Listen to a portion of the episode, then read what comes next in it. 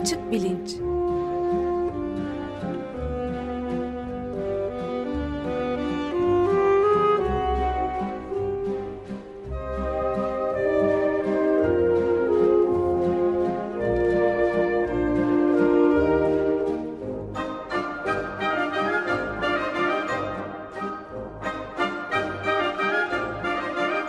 Güven Güzeldere ile bilim ve felsefe sohbetleri.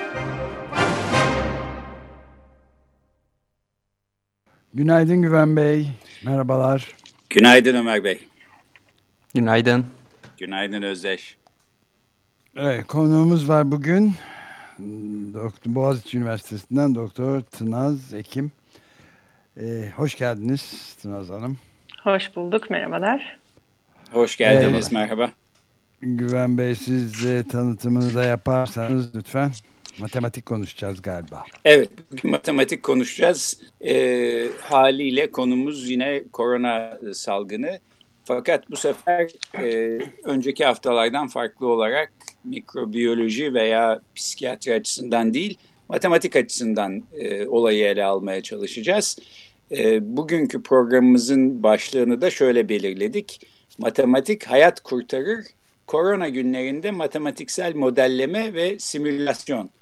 Ee, bu programı aslında ya da buna benzer bir programı matematik serisi için de ben düşünüyordum e, Tınas Hanım'la yapmayı.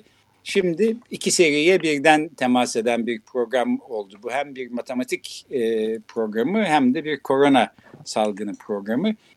E, ben birkaç hafta önce şöyle bir şeye değinmiştim. E, gerçek olanla gerçekliğe dair bilgi arasında ki fark e, salgın gibi durumlarda özellikle önemli hale geliyor. Çünkü gerçeğe dair bilgiyi hep bir parça rötarla geriden alıyoruz.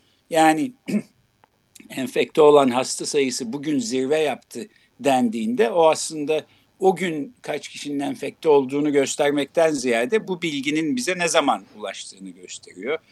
E, bir okun yaydan çıkmasıyla hedefi vurması arasındaki geçen zaman gibi bir şey. Fakat matematik bize yalnızca geçmişe e, bakarak ya da geçmişten rötarlı gelen bilgileri kullanmanın ötesinde henüz olmamış olayların yani yarın ne olabileceğinin ve bu e, olabilecek şeylerin hangi koşullar altında nasıl değişeceğinin bilgisini de veriyor. Ve bu açıdan çok önemli. Biraz da bugün e, bunlardan konuşacağız ve genel bir girişten sonra korona e, virüs salgını e, hakkında da siyasi kararlar alınması için çok önemli olan öngörülerin matematiksel modellemeyle nasıl e, yapılabiliyor olduğundan bahsedeceğiz. E, konuğumuz e, doçent doktor Tına Zekim, Boğaziçi Üniversitesi'nde endüstri mühendisliğinde e, öğretim üyesi. Kendisi hem bir endüstri mühendisi hem bir matematikçi. E, üniversite eğitimini e, Lille 1 Üniversitesi'nde ve Galatasaray Üniversitesi'nde tamamladıktan sonra e, yüksek lisans eğitimini Paris Dauphine Üniversitesi'nde yapıyor ve ardından e, İsviçre Federal Teknoloji Enstitüsü'nde doktora ve doktora sonrası çalışmalarını tamamlayıp yurda dönüyor. 2007 yılından bu yana Boğaziçi Üniversitesi Endüstri Mühendisliği'nde e, öğretim üyesi olarak çalışmalarını sürdürüyor. E, 2016 yılında TÜBA Genç Bilim İnsanı ödülü almış. 2017-18 yılında Fulbright Araştırma Burslusu olarak e, Amerika Birleşik Devletleri'nde bulunmuşluğu var e, yön eylem araştırması, kombinatöryel optimizasyon ve çizgi kuramı gibi alanlarda çalışmalarını sürdürüyor. Bu tür e, matematiğin uygulamalı alanlarının ne yaptığını da birazdan e, kendisi anlatacak.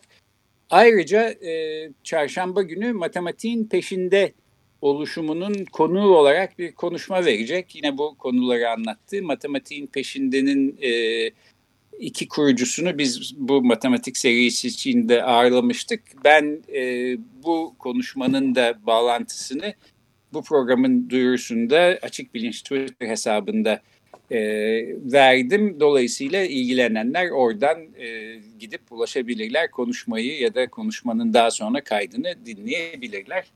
E, Tınaz Hanım isterseniz matematik hayat nasıl hayat kurtarır e, sorusuna matematik ne işe yarar gibi daha genel bir soruyla başlayıp oradan COVID-19 salgınında matematiksel modellemelerin nasıl kullanıldığına doğru ilerleyelim. Peki. Ee, evet, matematik ne işe yarar? Matematik e, bildiğimiz gibi e, temel eğitimin bir parçası, önemli bir parçası. Neden öyle? Çünkü e, matematik sadece matematikçi olacaklar ya da mühendis olacaklar için değil, herkes için ger gerekli. E, bunu birazcık e, kısaca de değineyim. E, neden herkese gerekli? Şimdi günümüzde gittikçe önem kazanan bir e, kavram var iş dünyasında. Problemlere yaratıcı çözümler geliştirmek lazım e, deniyor. E, peki bunu nasıl yapacağız? Bunu nasıl öğreneceğiz? Çoğu zaman okulda öğrendiğimiz şeyler yeterli olmuyor ileride karşılaştığımız problemleri çözmek için. Ya onları geliştirerek uygulamamız gerekiyor ya da bazen çoğu zaman yepyeni yeni şeyler öğrenmemiz gerekiyor. Ve bu sefer karşımızda bize bunları öğretecek kimse yok, bir öğretmen yok. Kendi kendimize öğrenmemiz gerekiyor. Dolayısıyla bizim aslında bu temel eğitimin en önemli görevlerinden birisi öğrenmeyi öğretmek. Ee, peki bunlar bu nasıl olacak? Hani bu doğuştan var ya da yok gibi bir şey mi? Hayır öyle değil. Ee, yaratıcı çözümler geliştirmek, düşünmeyi öğrenmek mümkün ve matematik bunun yollarından birisi. Ee, matematik ne yapıyor? Matematik bizim soyut düşünme becerimizi geliştiriyor aslında. E, ve bu şekilde e, karşımıza çıkacak yeni problemleri nasıl yaklaşacağımızı, e, yaratıcı çözümler nasıl üretebileceğimizi e, öğretiyor bir anlamda. Bu becerimizi arttırıyor. Dolayısıyla matematik herkese gerekli. Şimdi daha konuşmanın ilerleyen kısımlarında COVID-19 e, örneğinde neden gerekli olduğunu, neden hayati olduğunu e, açıklayacağız. Ama ondan önce sizin de dediğiniz gibi birazcık matematiksel modellemeden ne anlıyoruz e, ondan bahsedelim ki e, simülasyonlardan bahsedebilirim e, konuşmanın ilerleyen kısmında.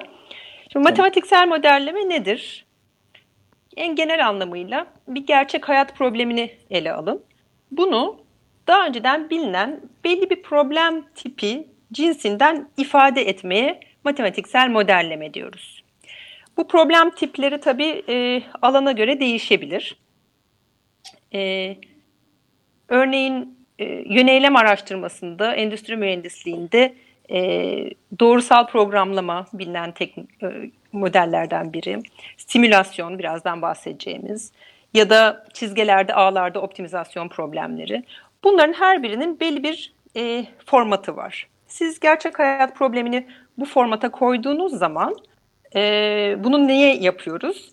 Çünkü bu problemler üzerlerinde çokça çalışılmış problemler ve genelde e, bilinen yöntemlerle çözebiliyoruz. Elimizde algoritmalar var, software'ler var.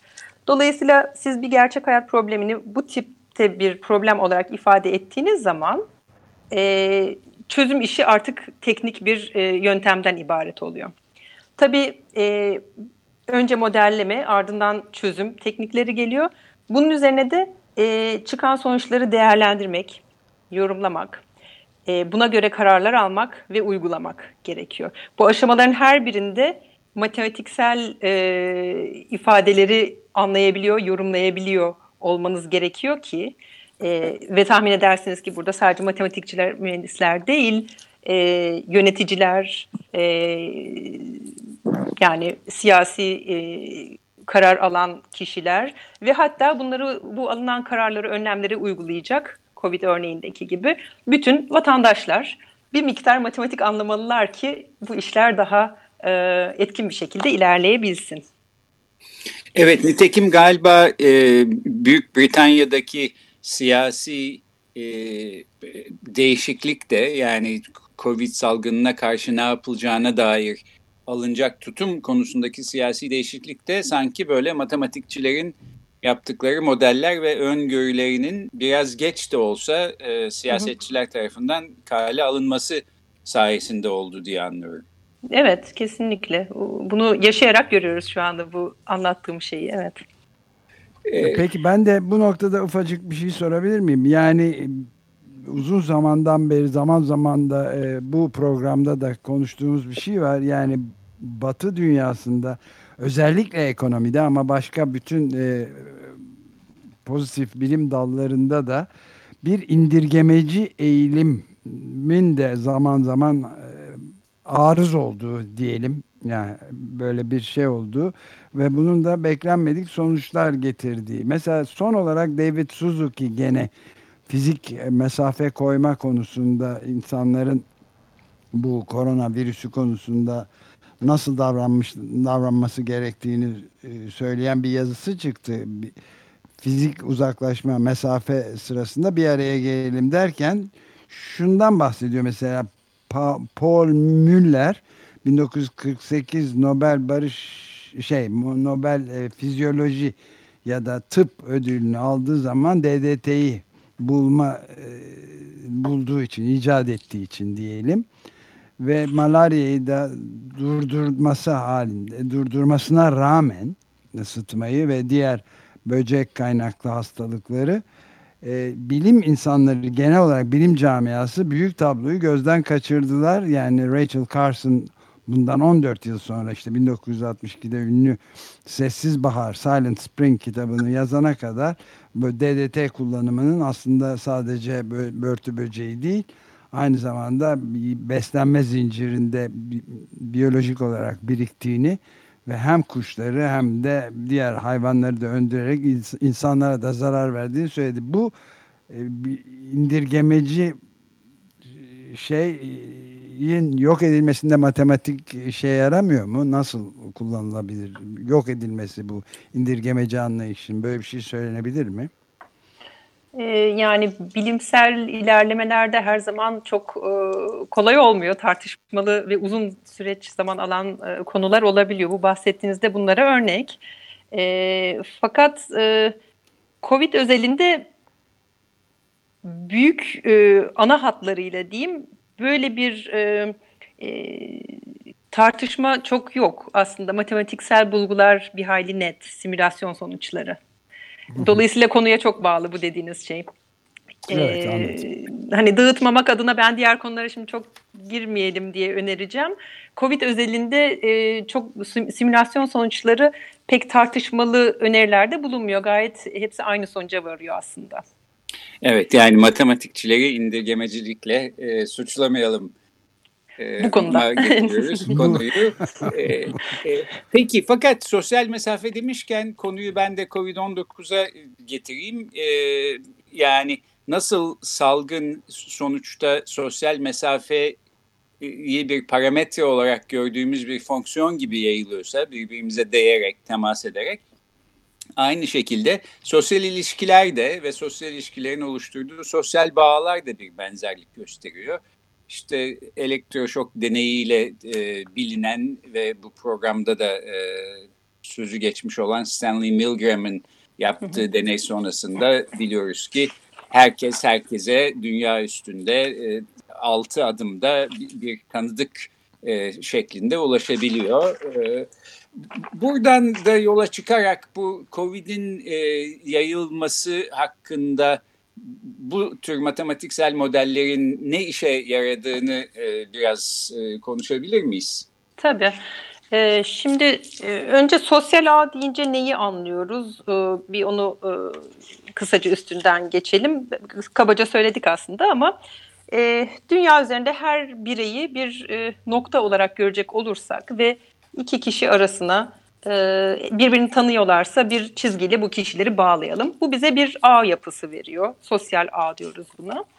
E, Milgram bahsettiğiniz Milgram'ın deneyi de böyle bir e, ağ üzerinde e, herhangi iki kişi alırsanız bunların birbirlerine en fazla altı tanıdık uzaklıkta olduğunu söylüyor.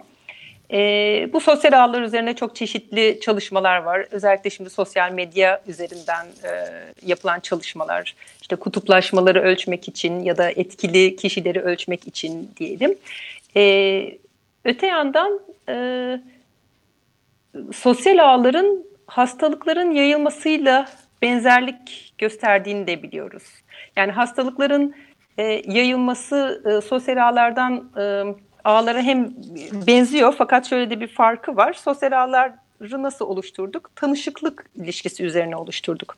Hastalıkların yayılmasında ise kişilerin e, fiziksel etkileşime girmeleri e, gerekiyor ki bir bulaşma olabilsin. E, ama tabii tanışıklıkla bağlantılı bir kavram bu da. E, ama sadece tanışıklık değil. E, bir benzerlik var. Yani farklı bir ağ e, söz konusu burada ama sosyal ağlar ile e, benzer yanları var. Dolayısıyla sosyal ağların çalışılması, hastalıkların yayılmasıyla ilgili de bir takım fikirler e, veriyor. Ve zaten görmüşseniz eğer bir takım simülasyon çalışmalarını e, internette birçok e, kaynaktan yayınlandı. E, görsel olarak da gerçekten insanların e, hareket ederek birbirlerine yaklaşması ve belli bir olasılıkla bu hastalığın bulaşıp bulaşmaması şeklinde görselleştirilmiş bir şey var. E, simülasyonlar e, var. E, burada o sosyal ağ yapısını görebiliyoruz. Evet ve bu simülasyonlar aslında çok çarpıcı bir şekilde ve çok basit bir şekilde insana görsel olarak anlatıyor neyin nasıl evet. olduğunu. Peki simülasyon dediniz e, nedir simülasyon, nasıl bir yöntemdir, ne işe yarar hı hı. ve COVID e, salgını konusunda e, bu simülasyonlar nasıl kullanılıyor? Evet, şimdi e, simülasyon nedir? Genelde e, kendi insan hayatını düşündüğümüzde e, en küçükten beri bir neredeyse bebeklik yaşından beri öğrendiğimiz bir şey var. Bir karar alırsanız e, o kararı uygularsınız ve sonuçlarına katlanırsınız. E, bunu bir kere deneme şansınız vardır. Farklı e, bir şekilde seçimimi yapsaydım ne olurdu sorusunun cevabını e, bazen içimizi kemirir durur ama e, bilemeyiz. Çünkü bir şansımız var, bir hayat var, bir kere yaşıyoruz. Şimdi bazı durumlarda e, kolay olmuyor karar vermek.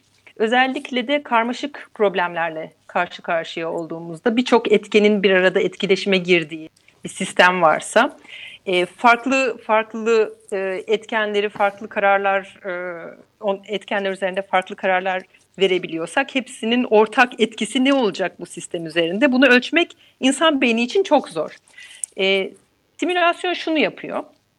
Teorik ya da fiziksel ama mutlaka karmaşık e, bir sistemin bilgisayar ortamında modelliyor. E, ve değişik sistem bu sistemin değişik senaryolar altında nasıl çalışacağını, nasıl cevap vereceğini deniyor. Bu şekilde yapay bir ortamda simülasyonun kelime anlamı da zaten benzetim demek. Gerçek hayattaki e, problemi benzeterek, taklit ederek bunu daha iyi anlamayı ve analiz etmeyi sağlıyor. Bu yolla da alınacak kararlara e, destek oluyor. Bir karar destek e, yöntemi diyebiliriz simülasyona. E, yani ya, ya, pardon evet, şöyle şöyle mi anlamak lazım o zaman? Diyelim e, nüfusun işte yüzde kırkını e, sokağa çıkma yasağı uygulasak ne şekilde bir değişiklik olur diye merak ediyoruz. Bunu e, anlamanın, görmenin yollarından bir tanesi gerçekten bu yasağı uygulamak. Ama bir başka yolu da aslında bir matematiksel model kurup e, matematiksel modelimiz doğruysa sonuçlarını oradan görmek. Ki bu Aynen. tabii daha tercih edilebilir bir şey çünkü e, bunu görmenin ötesinde peki bu evde kalanları yüzde elliye çıkarsak sonuçları nasıl olur? Yani mesela hastane kapasitelerine nasıl bir etkisi olur? E, salgının evet. yayılmasını ne kadar önde buna bakabilmek mümkün ya da yüzde yirmisini evde tutsak ne olurdu? E, simülasyon bize bunları yani olmamış şeyleri olduğu zaman olsaydı ne şekilde ne olurdu? doğururdu bunu gösteriyor galiba. Aynen evet bu senaryoları e, çoğaltmak mümkün. Hani nüfusun yüzde yirmisini tutsak ne olurdu ya da sadece 65 yaş üstünü evde tutarsak ne olur? E, ya da bütün e, vatandaşları evde tutarsak ne olur? Ya da e, evde tutmaya bugün başlarsak bunun etkisi ne olur? Bir hafta sonra başlarsak bunun etkisi ne olur? Ve bu sadece evde tutma kararı. Bununla birlikte alınacak başka önlemler de var. İşte maske kullanmak, kullanmamak, e, işte çeşitli e, etkinlikleri iptal etmek, etmemek gibi. Bunların birlikte farklı kombinasyonlarını e, düşündüğümüzde her biri nasıl sonuçlar doğururdu diye görüp farklı senaryoları analiz edip e, çıkan sonuçlara göre de bir karar vermek e, söz konusu. Evet Şimdi, biz burada pardon nasıl bir politika belirlemeliyiz konusunu ele almıyoruz. Bu sizin de benim de e, uzmanlık alanımız değil. Fakat bu konuda matematiksel modellemeler üstünden e, yazan insanlar da var. Evet. Örneğin sizin e, aynı sizin aynı bölümden olan meslektaşınız Profesör Yaman Barlas'ın e, Herkese Bilim Teknoloji dergisinde çıkmış bir yazısı var. Ben bunun e, bağlantısını da e, koydum Twitter hesabından. E, bunlara bakarak e, aslında ne şekilde politikalar belirlenmesi gerektiği e, önem kazanıyor. Belki programın en sonunda bu konuya yeniden döneriz. Çünkü matematik niçin önemli ve niçin hayat kurtarır? E, ya da matematikçilere kulak vermemek niçin e, çok e, ciddi ve kötü e, sonuçlar doğurabilir? E, bunun da bir örneği gibi gözüküyor. Evet, evet. E, yani en sonunda buna mutlaka e, değdiniz. E, ama bu noktada tam da simülasyondan bahsederken e, Yaman Hoca'nın bu bahsettiğiniz yazısındaki bir iki önemli noktaya da değinmek istiyorum ben. E, şimdi e, bu yazısında çıkardığı sonuçlar MIT ve Avrupa'da çeşitli araştırma merkezlerinde yapılan simülasyonların e, sonuçlarını değerlendiriyor. Uygulamalarda Amerika, İran ve İsviçre e, üzerinden ve hepsi e, bu ülkeler bambaşka olmasına rağmen çok benzer sonuçlara varıyor. Oradan bir e, e, o çıkan ortak sonucunca dayanarak bir strateji belirliyor aslında e, Yaman Barlas yazısında. E, başlığı da zaten pandemi stratejisi BEKİD diye. E, şimdi bu e, çalışmaları yapmanın e, demin de bahsettiğimiz gibi temel sebebi insan e, bu çeşitli birçok etkileşimi aynı anda algılaması çok zor insan beyninin. Özellikle de burada e, zaman zaman değindiğimiz iki temel kavram var. Neden zor algılıyor insan beyni bunu? Birincisi tahmin edersiniz belki e, üstsel büyüme. Bundan konuşup duruyoruz. E, vaka sayıları, ölüm sayı işte üstsel bir şekilde büyüyor. Bunu e, hani kimi alana yakın olan kişiler daha kolay anlıyor belki ama herkese anlatabilmek ne kadar zor oldu. Hani üstsel büyüme nedir? Bu nasıl katlanarak geliyor? E, bunu algılamakta güçlük çekiyor insan beyni. Diğeri de demin yine siz değindiniz. E, aldığımız önlemlerin zaman gecikmeli etkisi. Yani ben bugün bir önlem alıyorum. Bunu hemen görmüyorum sonucunu. Belki bir ay sonra göreceğim. Bunları tartmakta, e, ölçmekte e, çok yetenekli değil insan beyni ama bilgisayarlarla doğru bir modellemeyle bunları daha rahat yapabiliyoruz. E, burada çok yardımcı oluyor simülasyon e, çalışmaları bize. Üstsel büyümeden de kastınız yani e, bir kişi üç kişiye bulaştırıyorsa o üç kişi de üç kişiye bulaştıracağından birden dokuza o 9'da 27'ye çıkıyor. Dolayısıyla kareleriyle katlanarak e, gidiyor. Düz lineer e, bir e, büyümeden evet. çok çok daha ciddi sonuçlar doğuruyor diyoruz galiba değil mi? Aynen öyle evet. Yani, yani e, her biz... üç günde bir ikiye katlanarak diye bir matematiksel e, hesapta çıkmıştı. 2-3 hafta önce bir makaleden e, değinme fırsatı bulmuştuk. Evet. Ee, yani çok konuşuluyor bu üstsel büyüme ve onu anladığımız ölçüde aslında bugün alınması gereken tedbirlerin ne kadar önemli olduğunu da daha iyi kavruyoruz. Evet ve yani Türkiye'deki enfekte olan ve ölen hasta sayısı günden güne arttıkça bu böyle bir korkuya ve paniğe yol açacak bir, bir büyüklük gösteriyor. Bunun altında aslında matematiksel bir kalıp olduğunu da böylece görmek mümkün maalesef. Evet. evet. Ee, ee... Peki bir, bir de mesela bu tür salgınlara dair e, öngörülerde bulunurken başka tür verilerin kullanılması da e, galiba gündeme geliyor. Cep telefonları mesela e, bir e, araç olarak burada kullanılabilir. Biraz bundan da bahsetsek mi? E, olur. E, hızlıca değinelim isterseniz. Bu simülasyon modellerinin sağlıklı olması için, gerçeği e, en iyi şekilde yansıtabilmesi için tabii bir sayısallaşma söz konusu. E, ve buradaki e, parametrelerin doğru tahmin edilmesi gerekiyor. E, bu noktada da e, son zamanlarda büyük veri çok kullanılmaya başlandı. Örneğin cep telefonu verilerinin e, insan hareketliliği ve birbirleriyle temaslarını, etkileşimlerini e, bu cep telefonu verilerinden çıkarmak gibi. Bu konuda e, e, eskiden e, birkaç yıl önceye kadar Boğaziçi Üniversitesi Bilgisayar e, bölümünde hoca olan, şimdi Utrecht Üniversitesi'nde Albert Ali Salah'ın bir yazısı var. Çok tavsiye ederim. Sarkaç'ta çıkan. E, cep telefonları ve büyük veri COVID-19'a karşı diye e, çeşitli e, modern yöntemler de bu konuda bize yardımcı olabiliyor. Tabii bunların da kişisel bilginin mahremiyeti, etik gibi başka e, ince noktaları da var ama e, kesinlikle e, yardımı dokunan e, teknolojiler diyeyim. Evet, Albert Ali Salah e, konuk olmuştu açık bilinçte. O zaman büyük veriyle Oscar tahminlerinin nasıl yapılabileceğini konuşmuştuk. Ama evet. şimdi konu e, korona e, salgını tahminlerine geldi. Ben bu yazının bağlantısını da vereceğim e, açık bilinç hesabından. Evet.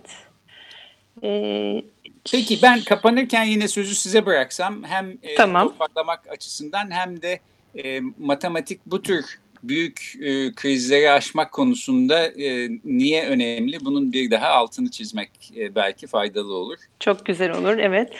E, şimdi matematiksel modeller, simülasyonlar ve diğer e, yönelim araştırması teknikleriyle diyelim elde edilen e, bilimsel sonuçlar bunları e, hızlı bir şekilde değerlendirip e, gerekli adımları atacak e, kapasitede e, yönetimlere ihtiyacımız var. Bu ihtiyaç bu COVID-19 e, krizinde çok net bir şekilde ortaya çıktı.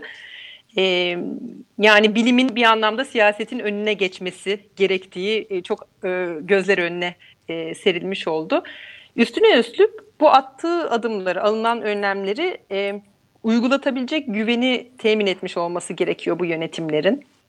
E, bu anlamda da e, demin bahsettiğimiz gibi bu simülasyon sonuçlarını anlayacak, değerlendirecek kadar matematik e, anlıyor olması gerekiyor bu mevkideki insanların. Ama sadece onların yöneticilerin değil, bütün vatandaşların aslında.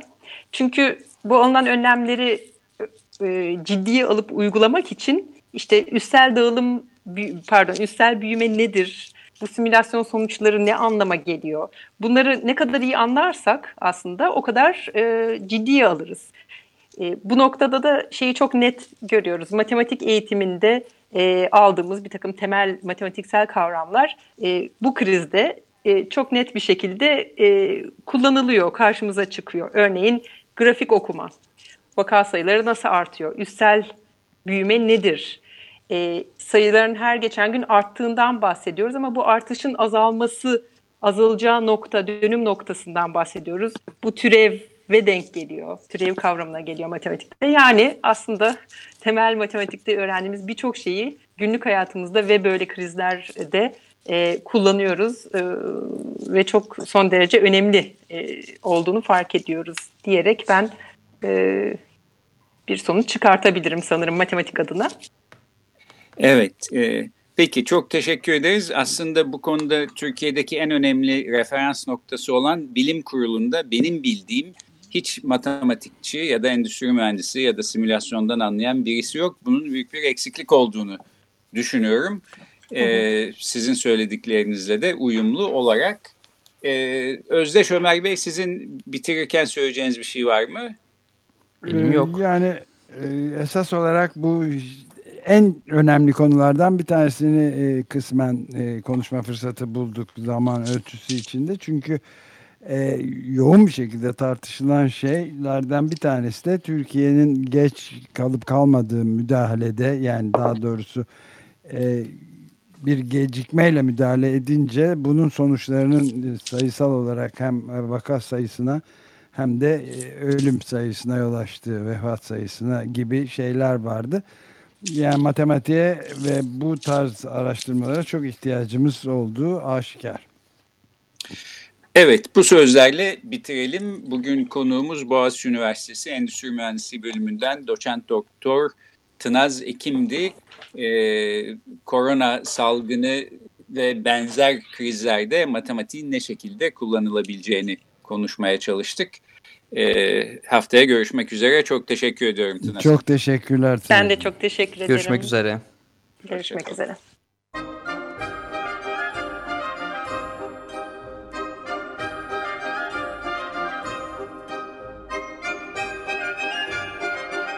Açık Bilinç